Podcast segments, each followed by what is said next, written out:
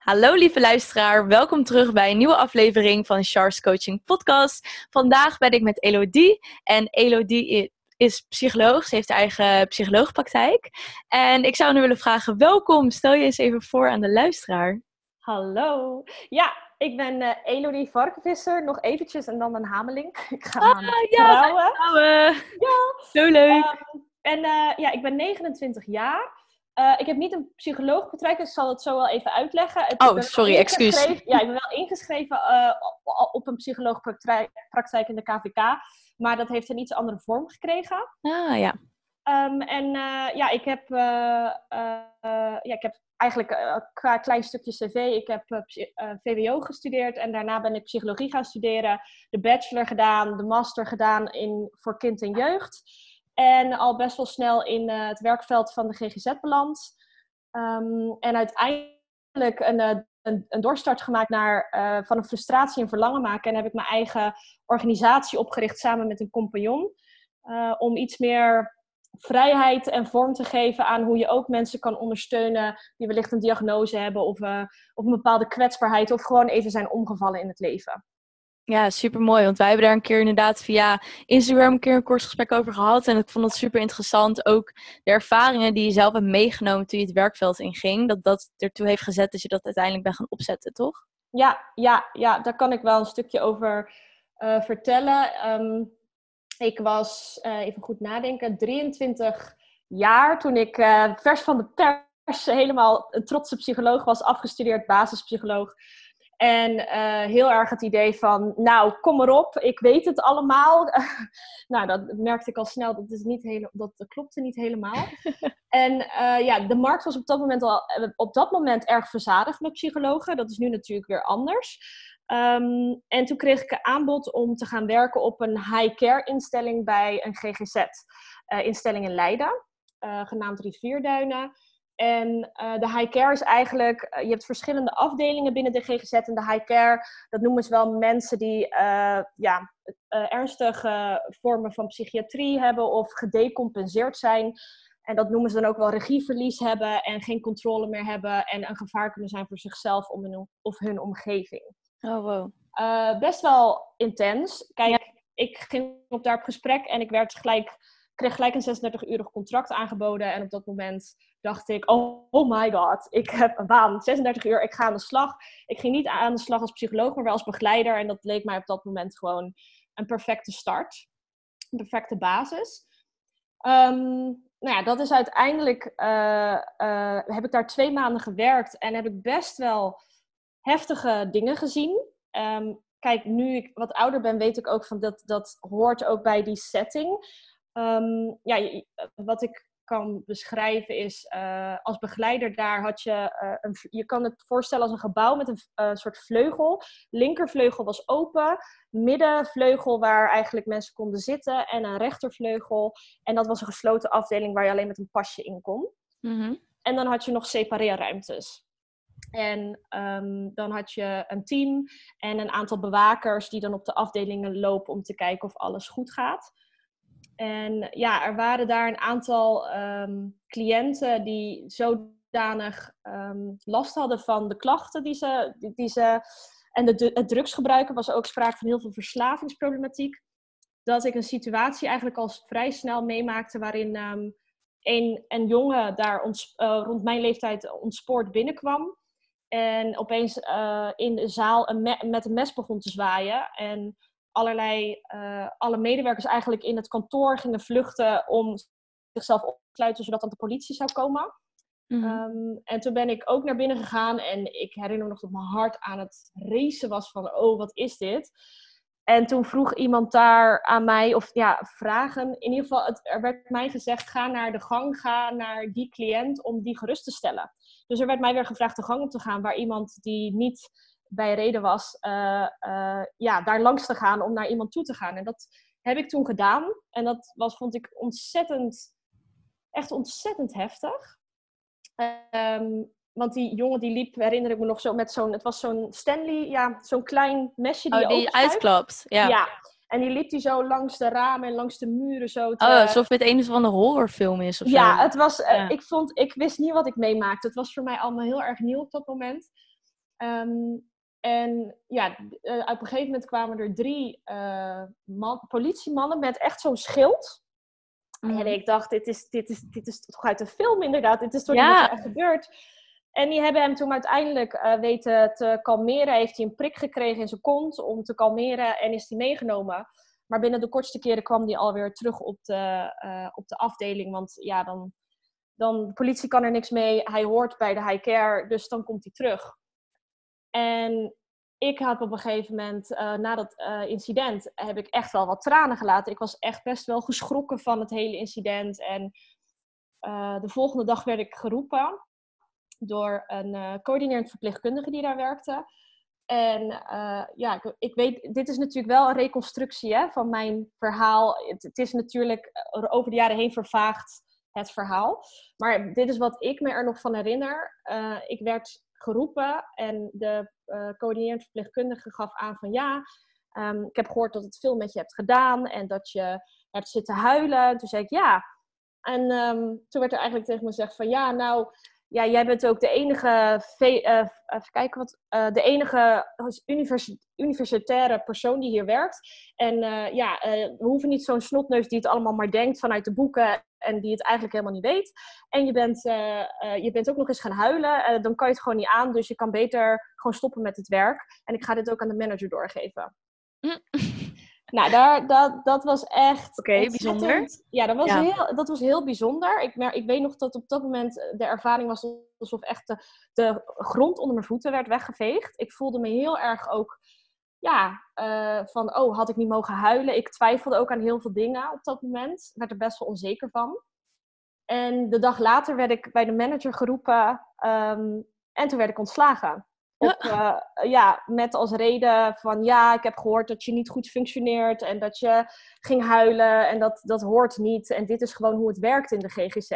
Ja, je mag toch je eerste ervaring mag toch wel even schokkend zijn of zo? Nou ja, ik, ik vond het heel bijzonder. Ja, ik wil uh, net zeggen, ik denk dat het juist heel apart was geweest als je niet had gehuild en het had gezegd, ah joh, ja, kan gebeuren toch, en weer door. Ja, maar dat is dus wel, um, ik, er zijn wel, ik heb wel geleerd dat er bepaalde types zijn in de GGZ. Uh, eh, er waren ook echt medewerkers of collega's die dan echt zo zaten, hè, hè, er gebeurt weer wat lekker. Die, die hadden een soort van kick van het feit dat er weer iets gebeurde. Want die vonden dat op zo'n manier werken leuk als er iets gebeurde, als er spanning en sensatie was. Hmm. En ik dacht alleen maar, oh, dit is, dit is toch niet zo? Ik krijg hier echt, die ga niet goed. nee. Dit is niet van mij weggelegd. Nee. Dus al snel los van, uh, ik, het was niet oké. En ik heb uiteindelijk uh, een vertrouwenspersoon ingeschakeld en um, uiteindelijk een brief geschreven naar die manager dat ik dit wel heel onderbouwd, waarom ik dit wel een beetje een gekke sprong vond. En toen heeft ze me toch laten werken. Tot net na mijn proeftijd. Toen wilden ze me weer ontslaan en dat kon niet, want mijn contract was al gewoon officieel ingegaan. Nou, dat werd een beetje een heel gedoe, een, laten we zeggen een soort uh, rechtszaakachtig gevoel. Waarbij ik uiteindelijk heb gewonnen. Want ik had alle e-mails, alle gesprekken, alles had ik bewaard. En ik was ervan overtuigd dat dit niet oké was. Hoe ik werd behandeld als medewerker. Maar ook gewoon uh, dat ik ook los van dat hele stuk ook moest beseffen. Dit is niet hoe ik mensen wil ondersteunen. Dit zie ik niet als ondersteunen. Wat gebeurt hier? Er worden mensen platgespoten. Er liggen bewakers op. Um, er waren separeerruimtes en daar lagen dan als iemand helemaal aan het schreeuwen was of heftige dingen deed, dan gingen er gewoon twee bewakers zitten, één op de voeten, één op de schouders. In de, een paar uur lang in die separeerruimte iemand ja, in, onder dwang vasthouden om te zorgen dat ze gingen kalmeren, omdat ze zichzelf anders iets gingen aandoen. En ja, dat, dat, ik, ik vond dat heel intens. Ik, uh, ik, uh, ik besefte me, ik werd toen een beetje verdrietiger ook van en ik merkte toen, ja, maar dit is niet toch niet waarom ik psychologie heb gestudeerd. Dit is toch ook niet hoe het is. Uh, dit is toch iets ouderwets wat je in films ziet en zo. Ja. Uh, dus uiteindelijk besefte ik ook, ik kan niet meer. Dus toen ben ik ook gestopt. Um, ben ik op de medium care gaan werken. Toen heb ik zeg maar een overplaatsing gekregen nog met het contract. Um, en heb ik daar ook uh, ja, sowieso een veel fijner team, veel fijner management. Uh, dus daar zat op een gegeven moment niks meer. Daar werd ik gewoon heel goed ondersteund en daar was dat allemaal niet aan de hand. Uh, maar het feit bleef wel dat ik continu in elke setting van de GGZ bleef ervaren van uh, er, is geen, er is geen hoop, er is geen positiviteit. Het is, bij de, bij de bak staan, de pilletjes geven, de medicijnen geven. Ehm, en, en continu kwam ook iemand terug. Dus het was een soort draaideurmodel waarbij iemand dan. Uh, ik herinner me nog heel goed, er werd een, een cliënt ontslagen van ja, het is op de medium care, je bent goed genoeg, dus je mag weer naar huis. En dan zei die cliënt, ja, maar dat wil ik niet. En die liep dan, um, de, deze, dit instituut zat naast het Centraal Station van Leiden. Die liep dan rechtstreeks naar het Centraal Station. Die, die ging dan schreeuwen, ik ga voor de trein springen. Werd door de politie opgepakt en werd rechtstreeks weer bij onze deur gebracht. Mm. Om weer te gaan, uh, ja, om weer binnengehaald te worden. Want die wist dan, als ik dit doe, word ik toch weer opgenomen. Ja, wat bizar. Echt ja. hoor. Ja, dus dat zijn wel hele... Uh, ja, dat, dat is wel heel bijzonder om mee te maken. En dat vond ik ook heel verdrietig om mee te maken. Mm. En het, het, het triggerde mij wel heel erg in dit, dit moet toch anders kunnen. En toen ben ik op een gegeven moment, uh, ik ben van de hiker naar de medium care naar beschermd wonen gegaan. En beschermd wonen, uh, dat zijn mensen die langere tijd in die beschermde woonvorm blijven wonen, omdat het gewoon niet anders kan. En op die manier met hun begeleiders daar hun leven vormgeven. Vond ik erg leuk. Alleen ik had toen op een gegeven moment een MBO-baan uh, als begeleider. En het, het was ja, niet mijn grootste verlangen op die manier voor mensen zijn. Dus toen ben ik gestopt.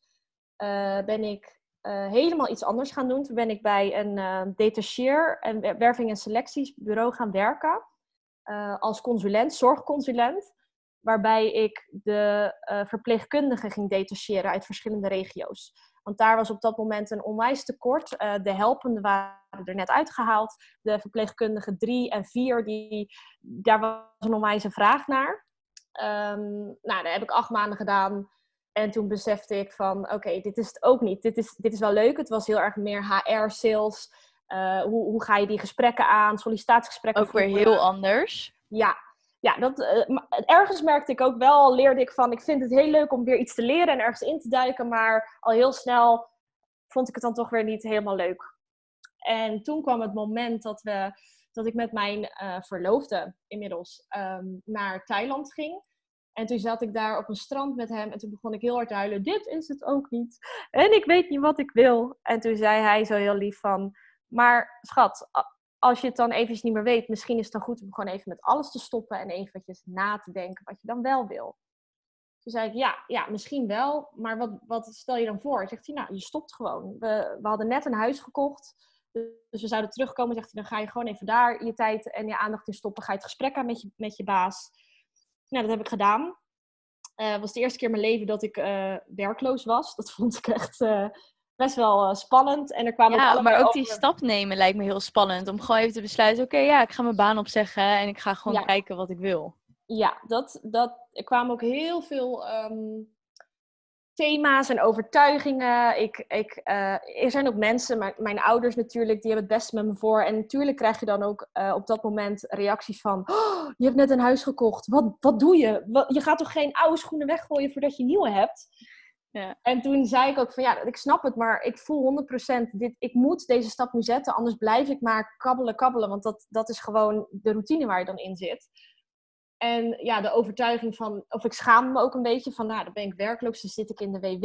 Ik ben, uh, was toen inmiddels volgens mij 25, 26. En ja, en, en nu, want ik wist ook niet wat dan wel. En alsof het, om het maar spiritueel te maken, alsof het universum me had gehoord, kreeg ik in Thailand op dat moment een berichtje van uh, mijn huidige compagnon.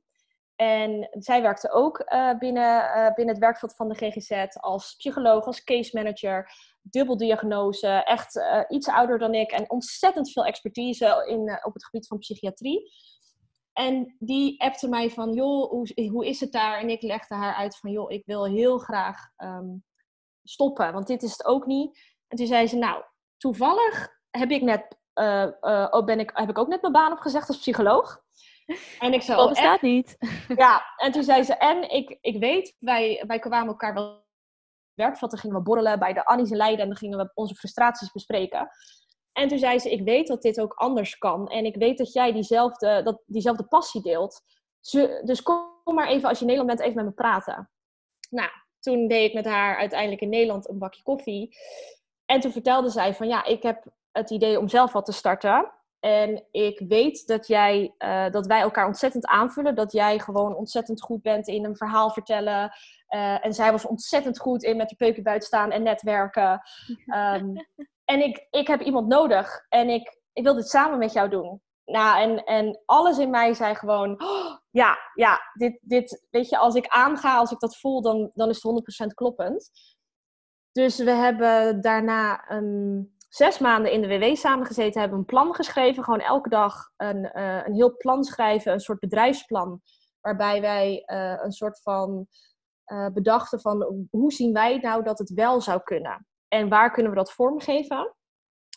hebben we in februari 2017 zijn we naar de gemeente van Leiden gegaan. En hebben we gezegd van ja, wij zijn twee psychologen. Wij hebben ervaring vanuit het werkveld van de GGZ. En wij zien gewoon dat er een onwijs gat is tussen uh, het GGZ-werkveld en uh, de, de aanvragen voor psychologen en de behandelingen. En er is zoveel meer wat mogelijk is en wij willen dat vormgeven binnen de WMO. En toen zei de, zei de gemeente, ja, nou, ja, daar denken we niet dat daar echt draagvlak voor is. Maar goed, je kan het proberen. 1 april 2017 het contract gekregen en uh, binnen drie maanden zoveel aanvragen dat we toen eigenlijk uh, ons eerste kantoor gingen openen in uh, Hartje Leiden en uh, de eerste mensen gingen aannemen. Oh, super vet. Ja, dus, oh, even mijn oortje. Zo. Ja. Um, dus ja, dat, dat is eigenlijk in een, in een vogelvlucht gegaan. waarin, we, waarin ik nu, als ik erop terugkijk, het is nu inmiddels 3,5 jaar. We zijn nu met 20 man personeel en twee kantoor, vier kantoorruimtes waar we verschillende plekjes hebben waar we uh, ruimtes huren. Um, en een ontzettend gemotiveerd team, multidisciplinair team van maatschappelijk werkers, GGZ-agogen, sociaal werkers, sportagogen. We hebben een criminoloog gehad. Um, die allemaal proberen het verschil te maken om te kijken wat iemand nou echt nodig heeft om weer rechtop gezet te worden. Ja. Dat is echt ma een magische reis geweest tot nu toe. En nog steeds ontzettend leuk. En ik leer ook nog steeds elke dag in mijn, in mijn rol als manager en, en um, ja, di directeur. Want dat ben ik dan nu van het bedrijf. Ja, cool. ja, dus ja, dat is echt wel um, ja, ontzettend mooie reis tot nu toe. Ja, het klinkt ook echt wel als een, als een lange journey, maar wel uiteindelijk met die super moois. Ja. Ja, ik zei dan net per ongeluk van psychologenpraktijk, maar jullie zijn dus een organisatie. Kan je wat meer vertellen wat, wat jullie dan precies doen, wat het inhoudt? Ja, um, nou ja, de organisatie heet Amosa. Um, wij hebben die naam ooit samen bedacht. Uh, het begon met het woord mimosa. En toen zei mijn uh, compagnon van, goh, ja, ze zei mimosa, dat is zo mooi. Dat is een uh, geel Afrikaans plantje. Dat was haar associatie. Oh, ik moest gelijk denken aan die drankjes. Ja. Exact, exact. Ja. Dus ik zei ook tegen haar, ik zeg hartstikke leuk. Maar volgens mij is mimosa ook een cocktail. En ik weet niet of we een associatie willen met iets alcoholisch. Ja. en toen zei ik, maar ik vind het wel lekker klinken. En op een gegeven moment zei ze, wat nou als we onze voorletters, zei het Annemieke, ik Elodie, als we A-E doen, dan, en dan Amosa, dan is het oud-Nederlands, supermooi. Toen gingen we later opzoeken of dat een woord was. En toen bleek dus ook nog eens dat dat woord staat voor in verbinding en in balans zijn. Oh, wow, vet mooi. Ja, dus wij hadden toen zoiets van, wauw, dit is hem. Ja. En we hebben een ontwerp gemaakt, de naam, de website. En um, Amosa is, uh, dus wij werken in opdracht van de gemeente. Uh, de gemeente die heeft in 2015 een overheveling gekregen van de zorgtaken van de overheid. Dus uh, de, een aantal dingen zoals begeleiding, het aanvragen van een rolstoel, mantelzorg, dat soort zaken ligt nu allemaal bij de gemeente sinds 2015. En zij moesten dat gaan inrichten. En zij hebben daardoor bepaalde mensen met bepaalde expertises, ze noemen die mensen zorgaanbieders, ingeschakeld en gecontracteerd om bepaalde vormen van begeleiding te bieden. En wij zijn dus ook op contract om begeleiding te bieden aan mensen vanaf 18 jaar met psychische of psychiatrische kwetsbaarheden, uh, die niet helemaal in staat zijn om hun leven vorm te geven zoals ze willen. En dan gaan wij kijken wat heb, heeft iemand daarvoor nodig. En ja, dat maakt ook dat het heel breed is. Uh, wij, wij kleden hem ook zeg maar in van, we gaan kijken wat iemand nodig heeft. Iedere persoon is uniek. Ehm, maar we willen niet zozeer ons richten op de diagnose of de problemen, maar vooral naar wat kan iemand nog wel. Um, wat zijn iemands talenten? Uh, wat is de situatie en wat gaan, we, wat gaan we nu aanpakken? Want er speelt heel vaak heel veel tegelijk. Um, en dat behoudt in dat we iemand van 18 hebben die wellicht net een diagnose van autisme of ADHD heeft gehad. Waarbij wij uh, in zijn dagelijks leven bij hem thuiskomen om hem te helpen accepteren. En hoe gaat je leven er dan uitzien? Tot een man van 91 met eenzaamheidsproblematiek. Waarbij een van onze coaches met hem gaat wandelen.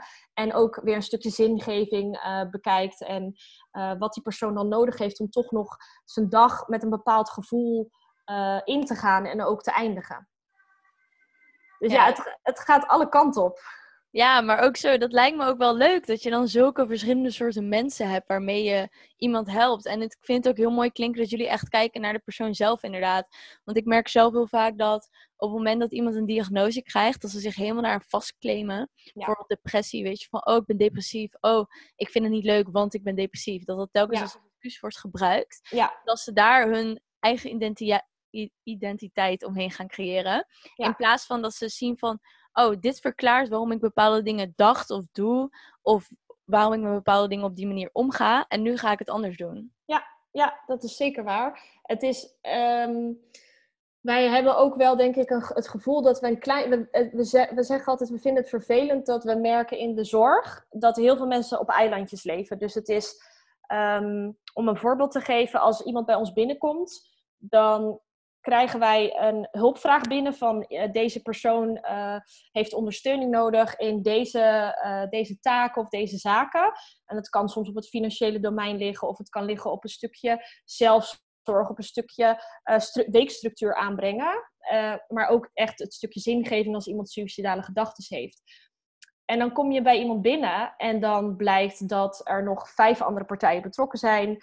Eentje voor de huishouding, eentje voor maatschappelijk werk, eentje voor het stukje schuldenproblematiek.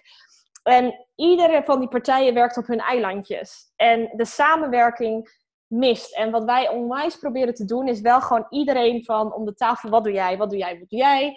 Wat doen we met z'n allen? En wat heeft deze persoon nodig? En laten we dat niet gaan invullen. Tenzij iemand regie, uh, de controle verliest en echt suicidaal is, dan hebben we soms wel eens keuzes te maken voor iemand anders. Uh, maar eigenlijk wil je zoveel mogelijk die persoon, wat wil jij, wat heb jij nodig? En die motivatie moet ook bij die persoon liggen, anders trek je aan een doodpaard. Ja, dat, dat is zeker waar. Ja, dat merk ik bij coaching. Van heel leuk als je gecoacht wil worden, maar de motivatie moet er wel bij jezelf ook liggen. Want ja. is voor allebei de partijen, ja. daar niks mee. Dat is zeker waar. En hoe gaan jullie om dan bijvoorbeeld met suïcidale mensen? Want dat lijkt me best wel lastig. Ook de dingen die je zegt, die je doet, dat je daar toch wel meer op moet passen.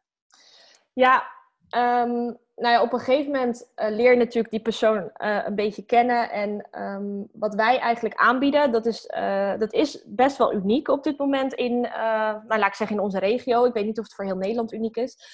Maar wat je in de GGZ bijvoorbeeld heel erg hebt, is als iemand zich suicidaal uit of aangeeft, het gaat echt niet goed met me dan is het van 9 tot 5 is er iemand voor je bereikbaar, je case manager, wie dan ook, of je psychiater. En om 5 uur stopt het. Want dan stopt hun werk.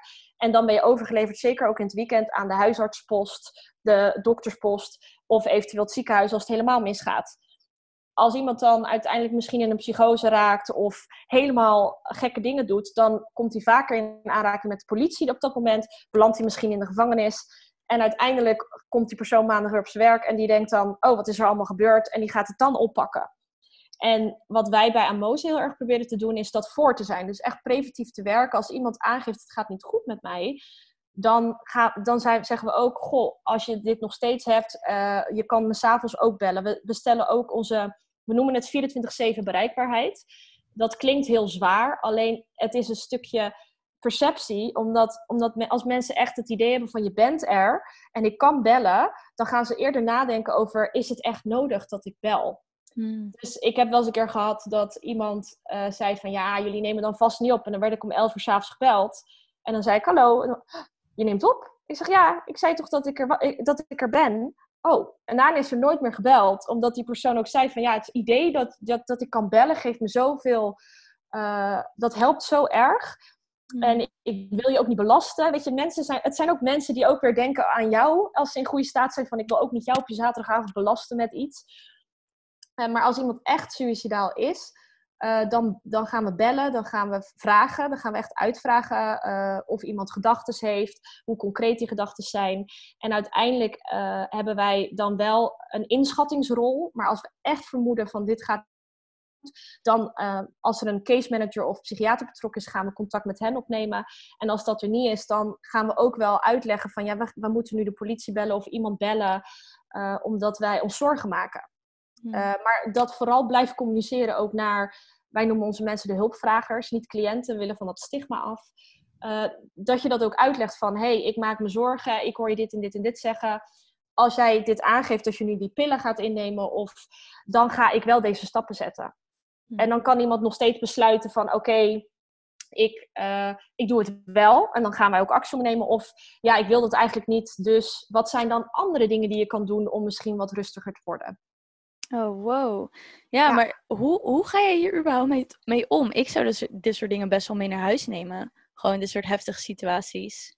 Ja, nou ja, ik doe dit nu zelf niet meer. Dus ik ben nu meer echt uh, de bedrijfsvoering aan het oppakken. Um, ik, hel, ik ondersteun nu dus wel de medewerkers die in deze situaties belanden. En ja, het is wel een stukje. Um, ja, het is. Ik vond het zelf als persoon altijd wel uh, spannend. Uh, en mijn compagnon bijvoorbeeld niet. Die um, heeft dan op het moment dat iemand uh, decompenseert, dan ging, ze, ze in de stoel zitten en dan wist ze precies wat ze moest zeggen. En dan zei ze ook daarna, oh lekker, dat heb ik goed aangepakt. Die kon daar echt in positieve zin energie van krijgen. En ik dacht dan, oh, dat vind ik allemaal wel spannend. En uh, wow, dit was best wel intens. Dus daar liggen nog best wel wat karakterverschillen natuurlijk ook per persoon in. Um, maar het is altijd praat erover. En ook daarna geef aan wat het met je he, uh, heeft gedaan.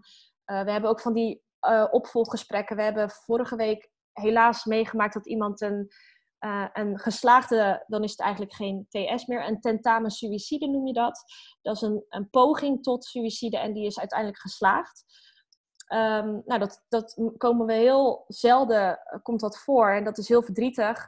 Dus dan pakken we het stukje op van het melden. Um, we hebben nazorggesprekken uh, met de medewerker van hoe voel jij je, hoe gaat het met jou.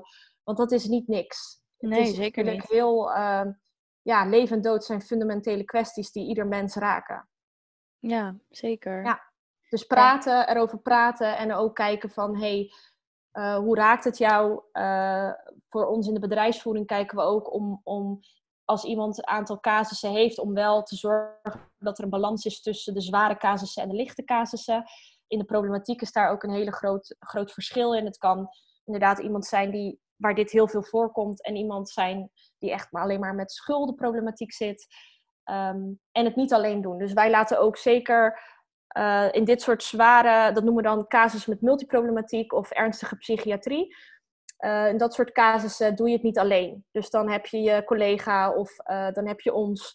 En dan kijken we echt continu wat er nodig is en wanneer wij er ook uitstappen. Als het echt ja, als, als het niet meer aan ons is om op die manier te ondersteunen en er andere mensen ingeschakeld moeten worden. Ja, en nemen jullie dan ook de naaste daar mee, de omgeving? Als, uh... Ja, het is wel een het is, dat is nog niet zo eenvoudig, omdat de, uh, de wet, um, even kijken hoe die ook al heet. De nieuwe wet, de AVG-wet, die is mhm. gelanceerd dat houdt in dat je eigenlijk uh, dat het veel moeilijker is om bepaalde gevoelige informatie van je hulpvrager te delen met mensen. Dat mag alleen als er toestemming gegeven is door de hulpvrager. Dus als, jij dan, als wij dan een idee hebben van het zou heel goed zijn om vader, moeder of wie dan ook te betrekken, maar we hebben geen handtekening van de hulpvrager dat dat mag, dan eigenlijk mogen wij geen informatie geven. Oh, dat lijkt me echt wel lastig. Ook omdat de hulpvrager waarschijnlijk ook zit van ja, ik wil niet dat mijn ouders dat weten. Of dat die ja. nog, misschien nog niet inziet wat het kan opleveren. Ja. Uh, ja, dat is ook uh, ingewikkeld. Er zijn zeker vanuit de, er zijn regels wanneer we dat wel mogen overtreden. Dus uh, als iemand echt zegt, nu ik sta met een baksteen bij een brug en ik ga springen, dan uh, bellen we wel, uh, de, de, als ze niet hebben getekend voor een case manager, dan gaan we ze nog steeds bellen. Da daar zijn regels voor, ook vanuit de wet. Uh, maar het stukje familie en vrienden, ja, dat is, daar proberen we wel op aan te sturen. Maar dat is aan de hulpvrager zelf om ook dat stukje eh, te gaan delen en toe te laten. Ja, precies. Maar daar geven jullie ook wel ondersteuning in bij de hulpvrager van wat het belang daarvan is. Ja, er zijn ook heel veel mooie initiatieven. Je hebt, uh, we werken ook heel veel samen met allemaal ketenpartners. Uh, je hebt bijvoorbeeld een stichting Urgente Noden, SUN afgekort. Die helpt mensen die echt ontzettend veel schuldenproblematiek hebben. Die geeft allemaal donaties voor bijvoorbeeld het aanschaffen van een fiets als dat nodig is. Als je kan onderbouwen waarom iets nodig is. Er is een lotgenotencafé. En wij zoeken al die partijen op om te kijken hoe kunnen we nou zorgen dat iemand weer echt in de maatschappij staat, zich verbonden voelt en zich onderdeel voelt. Want het is zo eenzaam af en toe om alleen te zijn met je diagnoses en alle labels die op je geplakt zijn. Ja, eh, dat ook. Ja. ja. Ja, ik vind dat, ja, wat ik net eigenlijk ook al zei, ik vind het ook zo erg dat mensen gewoon zoveel labels op zichzelf geplakt krijgen. Ja. Dus gewoon, oh, je bent dit en je bent dat en je bent zus. Terwijl je dat totaal niet bent. Dat is misschien een onderdeel of een bescherming van je lichaam. Of wat jou geholpen heeft vroeger en je misschien nu niet meer dient. Ja, ja. en dat, dat, ja, dat is uh, hoe ik dat zelf ervaar. Er zijn gewoon uh, verschillende lagen. En soms zit iemand nog op de eerste laag, waarbij je echt gewoon veel meer bezig bent met overtuigingen, denkbeelden. Hoe, hoe kijk je naar jezelf? Hoe erg vind je net dat iemand iets over je zegt.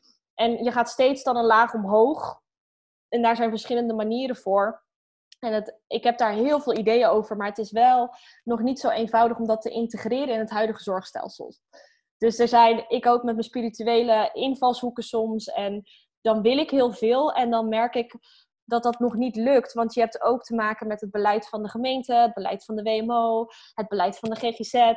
Uh, ja, en dan merk ik nog dat het heel star is en dat het daar nog, nog niet helemaal zo ver is voor het bewegen naar wat meer alternatieve vormen. Ja, het klinkt heel erg beperkend ook. Dat je naar zoveel dingen moet luisteren en dat het inderdaad wettelijk gezien dat je ook bepaalde dingen hebt waar je aan moet houden voordat je echt een bepaalde actie kan ondernemen of een bepaalde manier van werkwijze kan inzetten. Ja.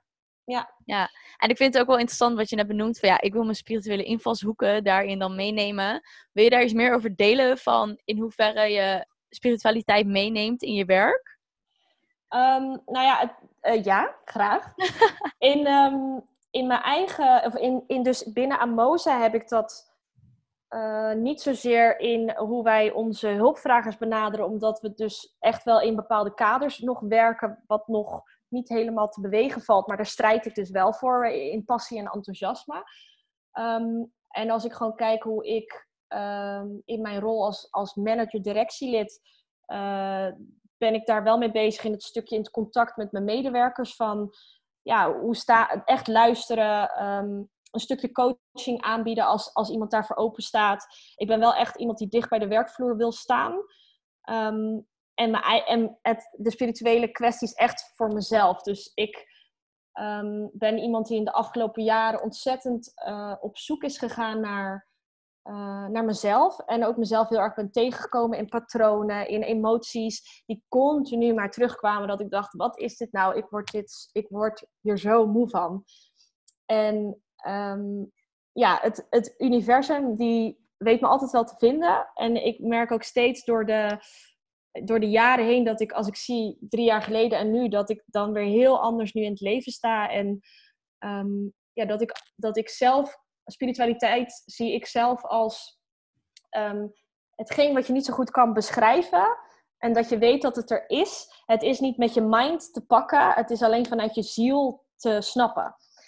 Um, en af en toe krijg ik dingen door of beelden. Of, of, en dan, denk, en dan wil mijn mind het weer snappen en analyseren van wat is dit en waar komt dit vandaan.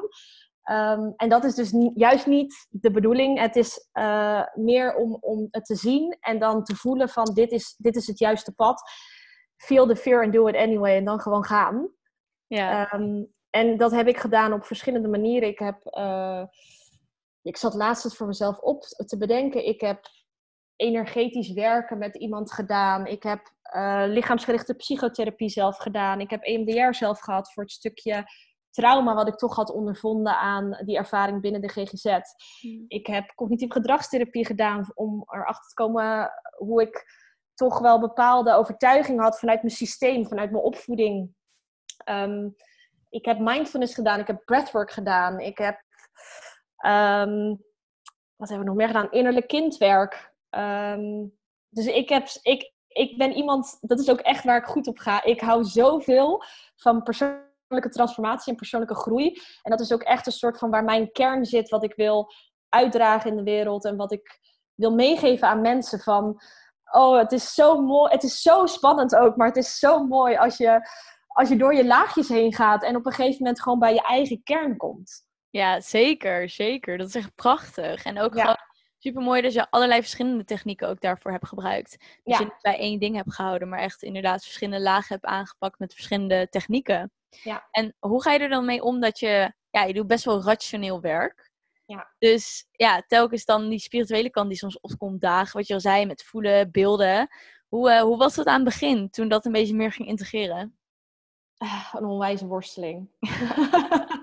ook echt de zucht, dat zegt al genoeg, inderdaad. Ja, ja echt ja, heel moeilijk, omdat ehm, op een gegeven moment had ik ook dan uh, het aller, wat mijn uh, persoonlijke journey is, het allermoeilijkste is uh, het egootje wat voorbij komt, die mij continu wil vasthouden aan wat ik heb geleerd, um, wat spannend als ik nieuwe, nieuwe dingen doe. En dat gevoel en die, die intuïtie die soms in me opkomt. En uh, toen ik daar net mee begon, vond ik het zo spannend en twijfelde ik zo erg aan mezelf en of het normaal was en wat is dit en oh, straks vinden mensen het gek. Ik had niet veel mensen in mijn omgeving die ook op die manier met dingen um, omgingen. En ik had zelfs de angst, omdat ik ook zoveel zag in de GGZ van, uh, oh, straks word ik uh, straks word ik. Ik had allemaal angsten van als ik deze kant op ga, straks word ik dan zweverig, psychotisch. Ik had allemaal hmm. oordelen, omdat mensen dat zeg maar dan aan me gaven, omdat die dat zelf ook spannend vonden. En daar heb ik heel veel mee geworsteld. Uh, en dat heeft ook een soort uh, dieptepunt bereikt rond de tijd dat ik ontzettend. Het bedrijf floreerde, maar het was 60-urige werkweken. En uh, ik luisterde totaal niet meer naar mijn intuïtie, naar mezelf, naar, naar mijn lichaam. En toen heb ik voor het eerst in mijn leven, vorig jaar was dat dan alweer, uh, heb ik een paniekaanval gekregen. Een hele intense. Ik was ook alleen thuis en oh. um, ik belde mijn vriend en ik zei, het gaat niet goed. En ik weet nog dat mijn hoofd, mijn ego, alles ging los. Je, bent, je wordt nu gek, zie je wel. Je bent psychotisch. Echt, mijn, er kwam een verhaal in mijn hoofd en dat was zo erg en zo echt. Ik was zo bang geworden en, en dat heeft toen nog heel lang in mijn lichaam nagezweefd uh, van er is iets niet goed met je, je bent niet oké. Ja, dat vond ik heel intens en tegelijkertijd was dat de start van het gaan omarmen van wat speelt er nou echt en, en wat voel ik nou in mijn lichaam. En um, kwam ik tot het besef dat ik heel veel dingen deed die ik eigenlijk niet wilde. En dat ik, ik zo, uh, mijn lichaam zo goed mij aangaf continu als ik iets niet wilde, dat, dat hij dan compleet uh, gewoon een soort paniek of stressreactie gaf van nee, dit wil ik niet. En hoe meer ik dan toch dat pad op ging, hoe erger de klachten werden. Oh. En het is een magistraal mooi, eigenlijk, uh, mooi gegeven dat mijn lichaam zo goed me laat weten ja, nee, ja, nee. Ja. Moet je dus wel naar luisteren. Ja. en dat is het allermoeilijkste, want soms geeft het iets aan en dan, dan denk ik, oh, maar ik vind het best wel spannend om te zeggen. Uh, want ik heb een heel ander idee hierbij en dan wordt er iets verkondigd. En dan denk ik, oh, zal ik dit wel zeggen? Wat gaan mensen ervan vinden? En dat, was, dat is nu steeds beter aan het worden. Nu durf ik steeds meer te zeggen van, ja, dit is hoe ik er naar kijk. Dit is mijn kijk op het leven, mijn kijk op mijn wereldmodel. Ja. En uh, wat is die van jou? Zonder iemand te gaan overtuigen van mijn idee, want dat, daar ben ik, kan ik nog wel eens goed in zijn. uh, maar ook niet te gaan twijfelen aan mijn eigen wereldmodel als iemand weer met iets anders komt. Ja. En dat was echt, iedereen kwam met iets van ja, uh, ja jij bent, um, nou in mijn werk heb ik dat wel eens teruggekregen van mijn compagnon. Jij bent zo gevoelig, jij bent zo dit en jij, jij huilt zo snel. En dan dacht ik altijd dat het iets onwijs negatiefs was. Ja, omdat het zo overgebracht wordt. Zo klinkt het. Ja, en toen uh, besefte ik op een gegeven moment van... Ja, nee, ik, ik ben helemaal oké okay met hoe ik... Als ik niet oké okay ben met hoe ik ben... blijven deze klachten keer tien komen. En toen besefte ik, het gaat om... Los van wat iemand tegen me zegt over wat ze wel of niet leuk aan me vinden... Vind ik mezelf leuk? Ben ik blij met hoe ik mezelf uitdraag op dit moment? En dat was ik niet. Dus die klachten, die, die zijn echt ja, ik kan niet meer herinneren dat ik me zo heb gevoeld. Omdat ik nu volledig probeer te blijven bij mezelf. En respect probeer te houden voor een anders wereldbeeld. Want niet iedereen iedereen zit op andere niveaus en je moet elkaar een beetje vinden in het contact, in de communicatie. Ja. Dus ja, dat is, dat is niet. Ik vind dat uh, niet eenvoudig en ik vind het makkelijker met mensen, bijvoorbeeld met jou praten, omdat ik ook gelijk dan zie op je Instagram en dat, dat je op hetzelfde niveau uh, praat en denk oh leuk, en dan word ik helemaal enthousiast. Maar als mensen daar een soort weerstand voor hebben of een oordeel of zeggen dat is gek of oh, doe je dat? Dan vind ik het um, lastiger om het gesprek uh, niet, niet te gaan overtuigen en gewoon het gesprek aan te gaan met een luisterend oor. Mm-hmm. Daar heb ik nog wel wat in te leren. Ja, maar, maar mooi dat je dat wel doorhebt. Van oké, zo sta ik erin en hier ligt wel weerstand dat ik met dat soort mensen aan het praten ben.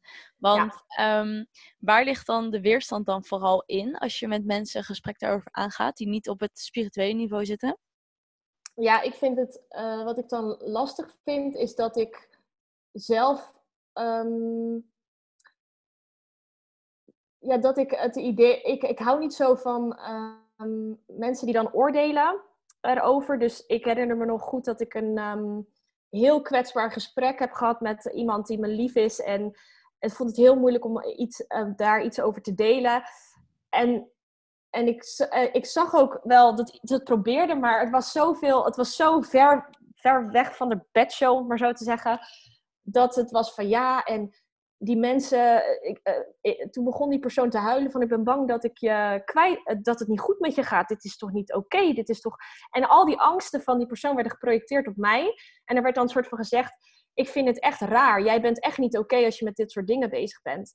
En dat vind ik dan wel heel moeilijk. Maar dat zijn ja. mensen die echt vastzitten nog in bepaalde, of nou vastzitten, die gewoon een heel ander beeld hebben en nog heel erg zitten in het stukje van hey, zo kijk ik naar de wereld en dit is mijn veilige haven en hier blijf ik. Ja. Zo ben ik opgevoed of zo doen we gewoon dingen. Zo, ja, precies. Dat is normaal, dat is hoe het leven werkt. Ja. ja. En over wat voor dingen heeft zij het dan specifiek? Want met wat voor dingen ben jij dan bezig dat mensen er zo'n oordeel over hebben? Uh, nou, in dit uh, specifieke geval ging het bijvoorbeeld over ik ben een uh, opleiding op dit moment nog aan het volgen van uh, NLP, uh, systemisch werken en transactionele analyse. Ja, superleuk. Ja, en ik heb dus systemisch een, een, een, familieopstelling gedaan.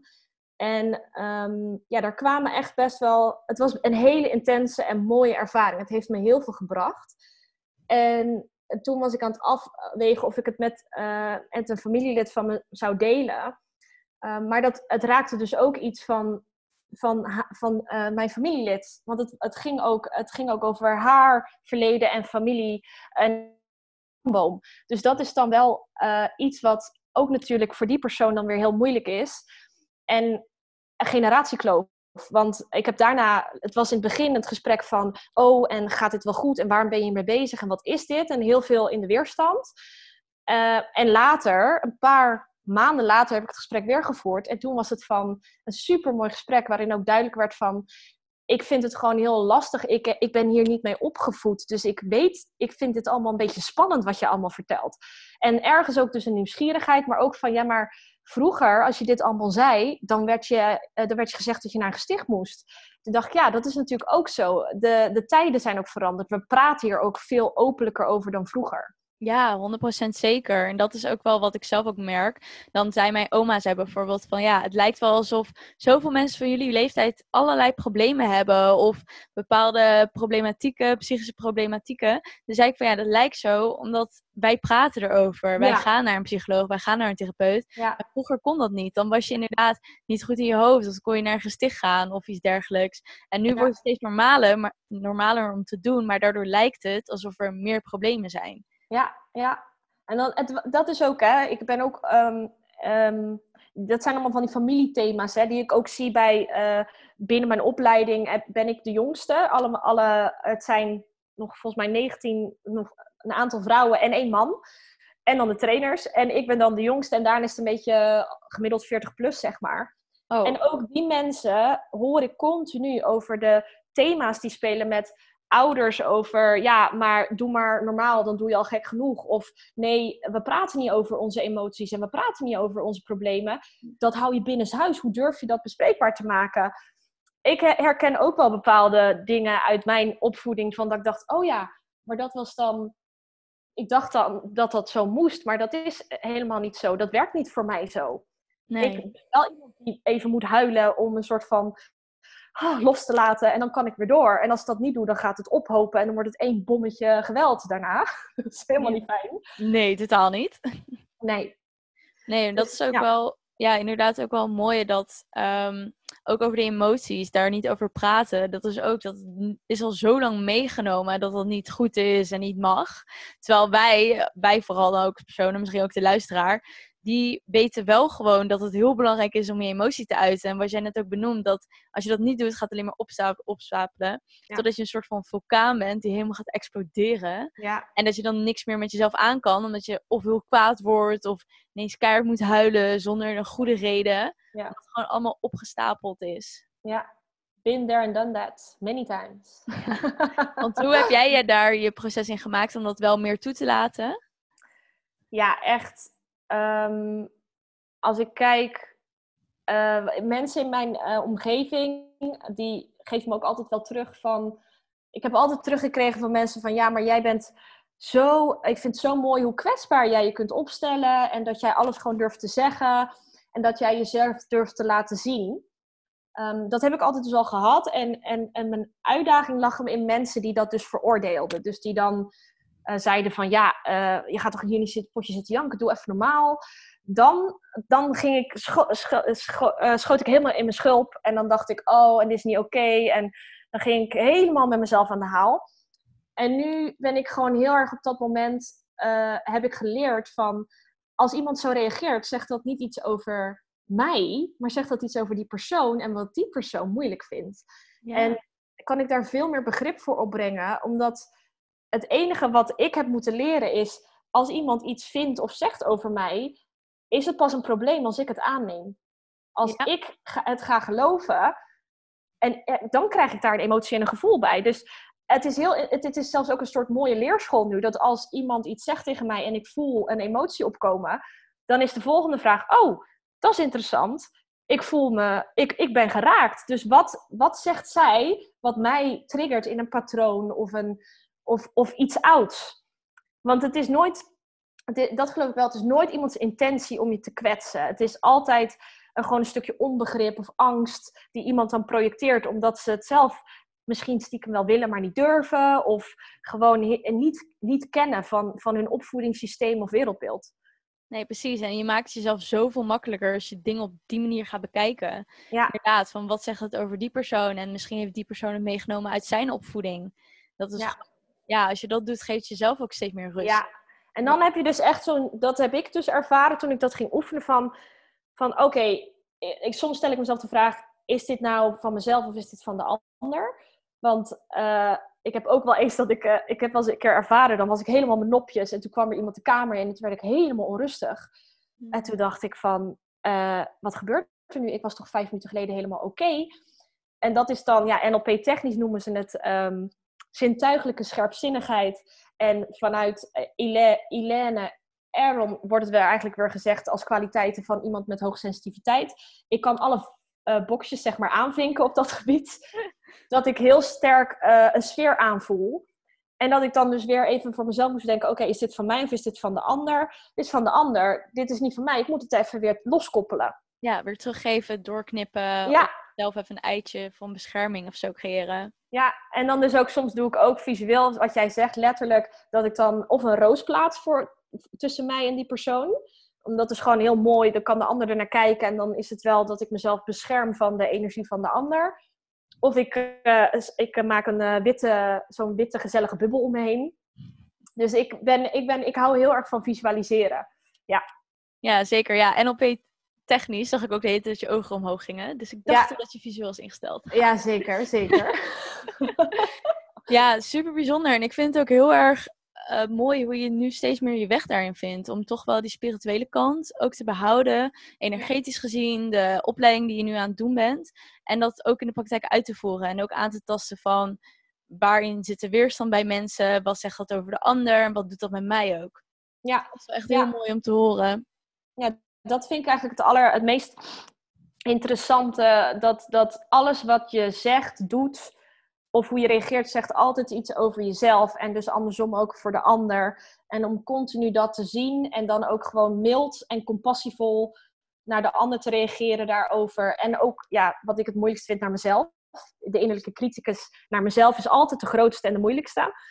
Ehm, maar daar, daar zit echt, dat is een onwijs mooi pad om uh, te volgen en om daar gewoon ja, steeds meer te integreren uh, en te luisteren naar je lichaam en naar het zieltje in plaats van uh, de mind. De mind, dat is, oh, dat is zo'n rotding, die, die staat zo vaak aan en elke keer continu proberen van nee, we gaan weer even terug naar de kern. Van omhoog, omlaag, omhoog, omlaag.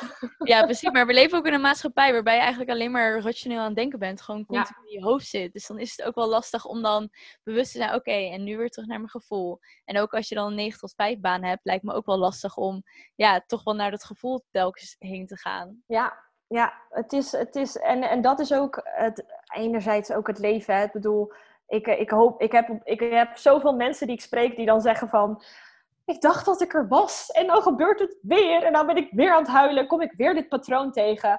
En dan zeg ik ook, ja maar schat, als je, als je dus al verwacht van dat het opgelost gaat worden, sommige mensen hebben gewoon een rode draad of thema's in hun leven en die gaan terugkomen. En het mooiste is als je het herkent, erkent en op een gegeven moment gewoon met een lach en een traan ernaar kan kijken van, oh, het gebeurt weer. En het kan delen met mensen en kan knuffelen en liefde kan geven. En het kan zeggen dat je daar even mee worstelt, want het dat is het leven. Dat is voor iedereen zo. Ja, precies. En dat het oké is. Ik heb toen ook een keer een vrouw gehad, die kwam ook bij mij van ja, uh, een kaartlegging doen. En toen had ze een bepaalde vraag. En toen zei ze ook van ja, ik ben al zo lang bezig met mezelf. En ook met uh, ja, mezelf laten groeien. Maar ik kreeg heel sterk als boodschap binnen dat er een stuk aankwam wat haar verder gaat helpen en haar nog sterker gaat maken. En ik zei dat en zei, maar ik was al zo ver. Ik was toch al klaar? En ik zo van, uh, nee, dat is niet precies hoe het werkt. Je bent nu zo ver dat je nu weer dit stuk aan kan. En dat, het blijft een geleidelijk proces inderdaad. Of het komt weer even terug en accepteer dat dan. Of je bent nu sterk genoeg om een nieuw stuk aan te gaan. Het is inderdaad, het, maar het is ook wel mooi toch dat het juist niet stopt. Want dan denk ik, ja, anders is het leven ook maar saai. Als ja, ik, ik word er ontzettend blij van. Ja, inderdaad, al die mooie dingen die je benoemd hebt, waar je jezelf beter hebt leren kennen, en steeds een laagje er weg hebt gehaald. Dus juist ontzettend mooi om te doen en leerzaam. Ja, en het is, uh, het is dus op een gegeven moment ook een beetje aftasten met wie je op welk niveau instapt om het gesprek aan te gaan. Want ik heb bijvoorbeeld ook um, al een tijdje een visioen dat ik twee engelen achter me heb. En ik heb iemand die dan ook wat meer spiritueel is. En dan kan ik bij haar toetsen of dat klopt. En die gaf ook aan van dat ik twee engelen heb die mij inderdaad begeleiden op mijn levenspad. En dat ik twee gidsen heb. Dus dan heb ik vier mensen die om me heen staan. En ik heb uh, krachtdieren. Ik heb een, een wolf die al een hele tijd bij me is. En ja, dat is natuurlijk een hele andere... Als je die kant op gaat, is een hele andere invalshoek. En niet echt te, uh, met de mind te, te, te begrijpen. Dat is dus...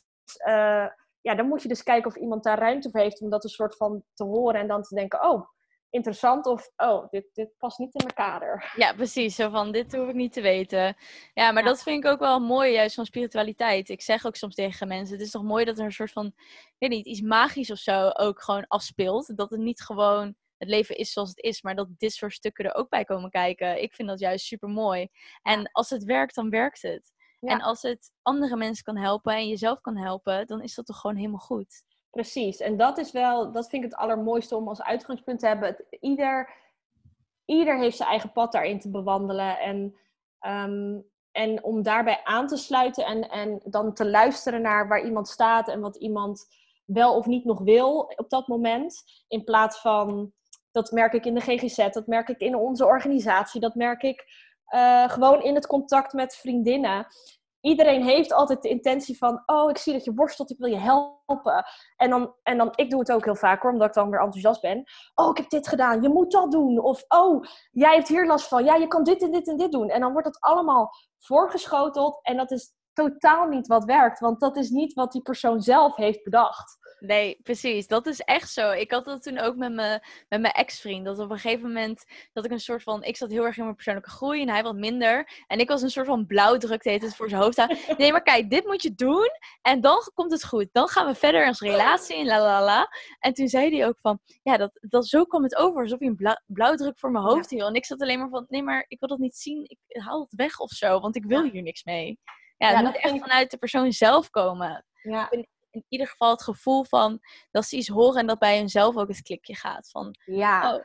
Dat iemand, ik zeg altijd, uh, iemand zei, ja, maar hoe doe je dat dan? Stel dat je wel denkt van, want dat heb ik ook natuurlijk heel vaak. Dan zie ik mensen en dan denk ik, jij zou echt dit kunnen doen. Of jij zou echt dat. En dan denk ik, oh, Ele, hou je mond, hou je mond. Want dit, dit helpt niet. Nee. Maar dan wat ik dan wel doe, is dan ga ik vaak mijn eigen ervaringen vertellen. Als ik voel dat, dat, dat, dat, dat, ruimte, dat daar ruimte voor is. En als ik dan iemands ogen ga zien twinkelen, dan wacht ik altijd af. En dan denk ik, als iemand dus zelf dat wil, dan gaan ze me nog wel appen of bellen of vragen: hey, wie was die persoon naar waar jij die lichaamsgerichte psychotherapie hebt gedaan? hey, waar was die mindfulness nou? Of die breathwork? En dan denk ik, hey, dan heb ik het zaadje geplant, maar dan ben jij zelf verder gemotiveerd. Dat vind ik veel fijner.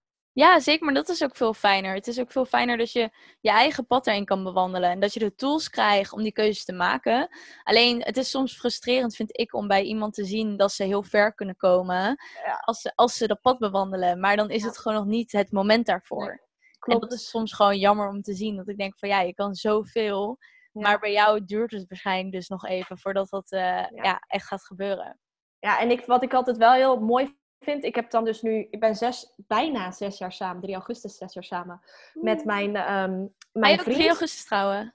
Dan zeggen we ja, inderdaad. Ah, zo leuk. 11 september is het liefdesfeest. Ah, dus liefdesfeest, wat ja. schattig. Ja, echt superleuk. ja. En um, ja, mijn, mijn vent, die, uh, dat is heel leuk, want hij is ook spiritueel op een andere manier. Ik, ik, ik ben er enthousiast en ik doe van alles en ik ben met die persoonlijke ontwikkeling en groei bezig.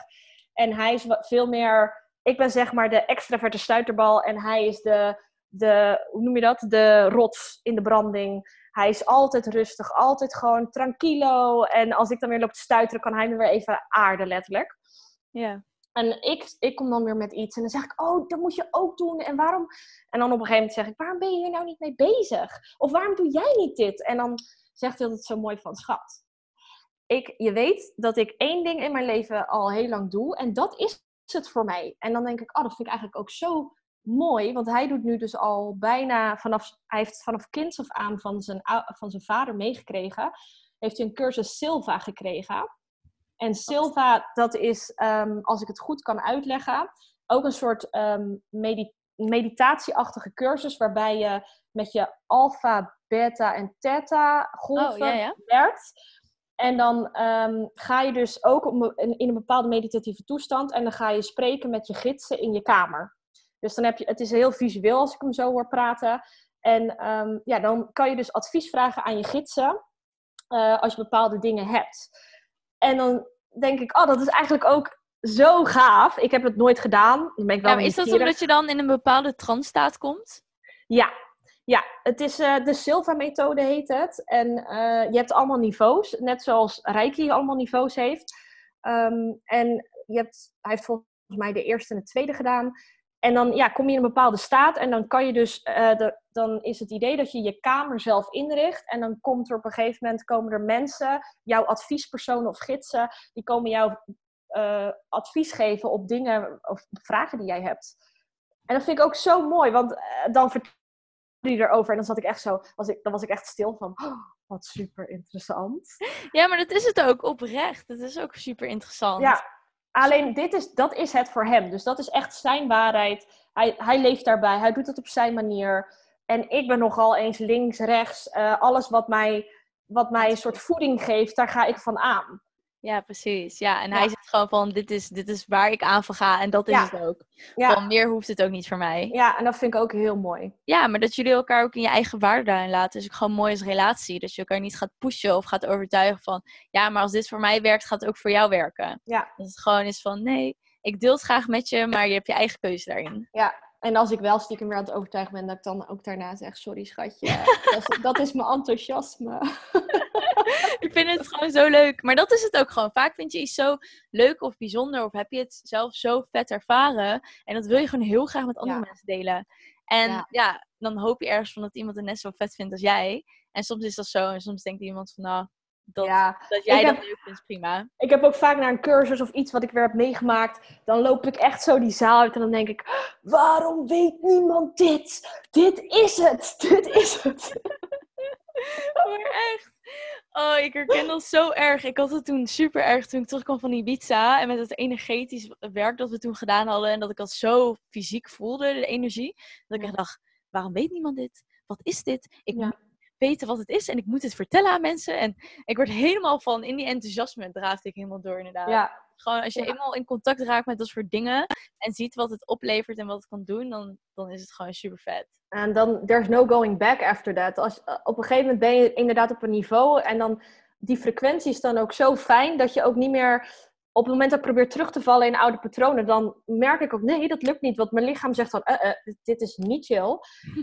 en het zien van, oh, mijn ego is weer aan de slag. Als, al, dat is al voor ieder mens zo groot goed om te beseffen dat je niet je ego bent. En dat je ego en je mind zoveel constructen maken. En dat het allemaal perceptie is eigenlijk. Ja.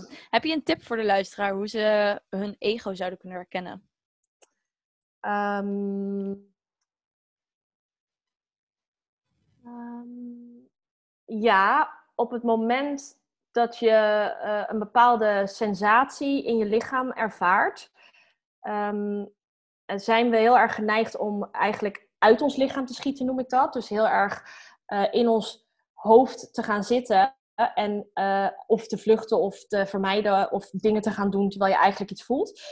En eigenlijk is mijn tip dan ga, veel, ga keer echt naar binnen, ga even zitten doe een paar keer even echt zo. Echt eventjes diep in door de neus en uh, goed uit door de mond.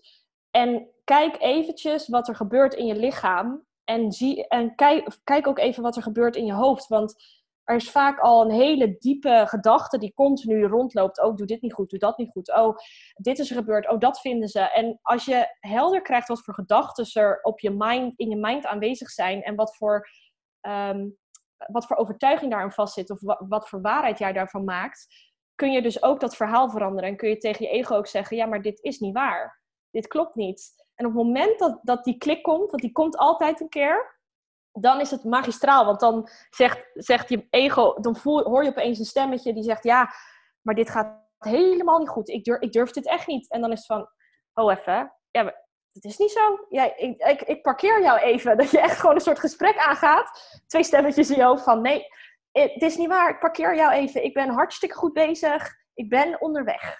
Ja, super mooi. Ja, ik zit ineens te bedenken. Ik had gisteren ook, had ik even zo'n uh, momentje of zo, dat ik even wat ging opschrijven. En toen had ik ook opgeschreven over uh, liefde. En dat uh, angst daar vaak bij komt kijken. En die dan toefluistert van, oh, ik bescherm je wel. Zie je nou wel van, uh, zie je nou wel dat je jaloers bent? Liefde is niet goed voor je. Zie je nou wel dat hij zo'n opmerking maakt? Dat maakt je onzeker. Het is echt niet goed voor je. Dat continu zo'n stemmetje dat naar je toe fluistert. Ik bescherm je wel. Ik, ik zorg wel dat we veilig zijn. Ook die van, dat wij veilig zijn en dat ons niks overkomt. Ja. Dat had ik ook op het laatste dan opgeschreven daarbij van eh, maar op het moment dat je de angst laat winnen en daar uh, ja, zegt dat die de hoofdrol mag spelen, zou je ook nooit liefde kunnen toelaten. Omdat je dat nooit dan kan ervaren. Want angst zal altijd de overhand hebben. Ja, ja dat, is, dat is 100% waar. Dat is, angst is echt, dat is zo'n slechte raadgever eigenlijk. Ja. En het is, ik, ik, ga, ik bedoel, ik ga maandag ja zeggen tegen de, de liefde van mijn leven op dit moment. En geloof me, dat, dat vind ik echt wel een ding. Ik heb daar, ik heb de afgelopen weken heb ik af en toe een ontzettende huilbui gehad. En dan liep ik weer onrustig in mijn woonkamer. En dan stuurde een vriendinnetje weer naar me. God, wat is er nou? Wat ben je aan het ontwijken? En ik wilde er maar niet aan. En op een gegeven moment ging ik er wel aan. En toen besefte ik van, ik vind het doodeng om, om omdat ik zo bang ben ook om, uh, om gekwetst te worden. Want mijn ego heeft vanuit vorige ervaring een verhaal gemaakt over wat dat is. En ik kan ook dan heel soms in een oud patroon vallen dat ik echt heel goed iemand weer kan wegduwen. Dat ik denk, ja, maar dit komt te dichtbij. Ik ken het patroon en dat is godzijdank dat ik dat ook zie en dat ik af en toe sorry zeg daarvoor. Maar dat, dat ego heeft een heel verhaal gefabriceerd van pas op, want hij gaat je uiteindelijk kwetsen. Uh, ik heb echt, die, deze vent echt, oh, ik kan al, als ik het over hem gepraat, dan ga ik al bijna huilen, zeg maar. Zo oh. uh, ik voor deze man. Het ook helemaal, zo ja. ja, het is echt de liefde van mijn leven, mijn prins op het witte paard, mijn alles. Alleen om dat te gaan erkennen, brengt de grootste angst met me mee op afwijzing, op gekwetst worden, op Oh, ja, maar ik vind het zo mooi dat je zegt, want dat was ook precies wat ik gisteren had opgeschreven. Ik weet ook niet waarom ik daar ineens mee kwam, maar ik had ineens zo'n momentje, ik ga dit even opschrijven. En daar stond ook gewoon zo van, ja, het enige waarvoor, waarvoor de angst jou beschermt, is dat je gekwetst kan raken. Of dat je jaloers kan worden, of onzeker kan worden, of Ja. dat het toch niet is wat je dacht dat het was. Ja. Maar als je daar aan toegeeft, zou je nooit liefde kunnen ervaren. En zou je nooit ook kunnen toelaten. Dus hoe zonde is het als jij daar, daaraan zou toegeven en nooit zou kunnen ervaren hoe het ook echt kan voelen. Ja. Super mooi ook dat je dat bij jezelf ziet en dat erkent. En ook gewoon kan zeggen, dit is gewoon een verhaal dat, ik, dat mijn ego heeft gecreëerd. Ja, en dan zit, en dan, dat is wel heel mooi, want dan, ik heb, ik heb dus, het is, ik heb het wel eens en dan heb ik er echt last van en dan ben ik misschien even ouderig of dan loop ik een probleem te maken over een was of zo of iets dat gewoon echt nergens over gaat. En dan word ik echt een beetje venijnig en gemeen en dan zeg ik dingen waarvan ik denk, oh, dat, dat is echt niet oké. Dat is echt niet oké. Ik ben nu echt iets aan het doen en ik, ik zie het mezelf doen en het lukt me niet om te stoppen, maar ik ben bang of zo. En daarna lukt het me dus wel. Dat is wel belangrijk in een relatie. Want iedereen heeft zo zijn dingetjes natuurlijk. Dan word ik heel verdrietig en dan zeg ik ook, ja, ik, het spijt me echt en ik hou zoveel van je. En dat vind ik zo eng tegelijkertijd, dat ik soms je uit, uit een soort eh, veiligheid wegduw. Ja, En ik heb dan een vent die dat heel erg snapt. En ik heb hem ook uitgelegd over vorige relaties en dingen die ik heb meegemaakt en welke thema's daarin zaten. Ja, hij, hij, hij gaat trouwen met een psycholoog, dus eh, dit soort dingen zal hij wel vaker horen. ja. Hoort erbij, ja, daar heeft hij voor gekozen, toch? ja, ja, vindt hij ook leuk. Hij zegt, daar hou ik wel van. Ik babbel wel en hij eh, knikt rustig en luistert. Oh, dat is echt een mannending om te doen, joh. Ik heb dat ook een keer gehad met twee vrienden van mij. Ik was helemaal wat aan, aan het vertellen. En het enige wat ik zie is twee hoofden zo. En dan elkaar aankijken en eentje zo fluisteren, laat hem maar praten. Ja, de hele tijd blijven klikken. Blijven klikken en lachen. Gewoon, net als in Madagaskar met die penguins. Dat is zo smile en wave boys. Maar dan zo smile en knikken. heerlijk. Ja. Ja, wat top. Oh, wat goed. Oh, super tof gesprek. Oprecht, Elo, ik vond het echt super nice. En je bent zo open, gewoon ook in wat je allemaal deelt en wat je allemaal aan de luisteraar ook meegeeft. Dat vind ik echt super bijzonder. Omdat ik ook echt denk dat, ja, hopelijk iemand dit luistert en gewoon iets erin herkent of meeneemt. Eh, ik vond het echt tof. We hebben ook denk ik echt een uur gepraat. Dus dat is ook echt lekker lang. Goed gevuld. Ja, zeker. Heb jij nog iets wat je aan de luisteraar zou willen meegeven? Ehm, ja, dat is dan denk ik gewoon een, een, een universele boodschap. Ehm, dat, het, eh, dat we in een, in een best wel bijzondere eh, tijd leven waarin alles heel snel gaat. En dat het echt helemaal oké is dat, dat, dat je soms eventjes het idee hebt dat je de weg kwijt bent. Of dat je niet weet hoe je je voelt. Of, eh, het is allemaal, het is allemaal oké. Dus elk moment, elk moment is oké hoe je voelt, hoe je denkt. Het, het is het allerbelangrijkste om altijd compassie naar jezelf te tonen. Dus ook als je ziet dat je weer in een bepaalde valkuil of in een bepaalde gedachtepatroon of een bepaald gevoel vermijdt. En dan denkt, shit, eigenlijk is dat moment juist eh, om te stoppen. Dan weer het oordeel over jezelf vellen en zeggen van het is oké.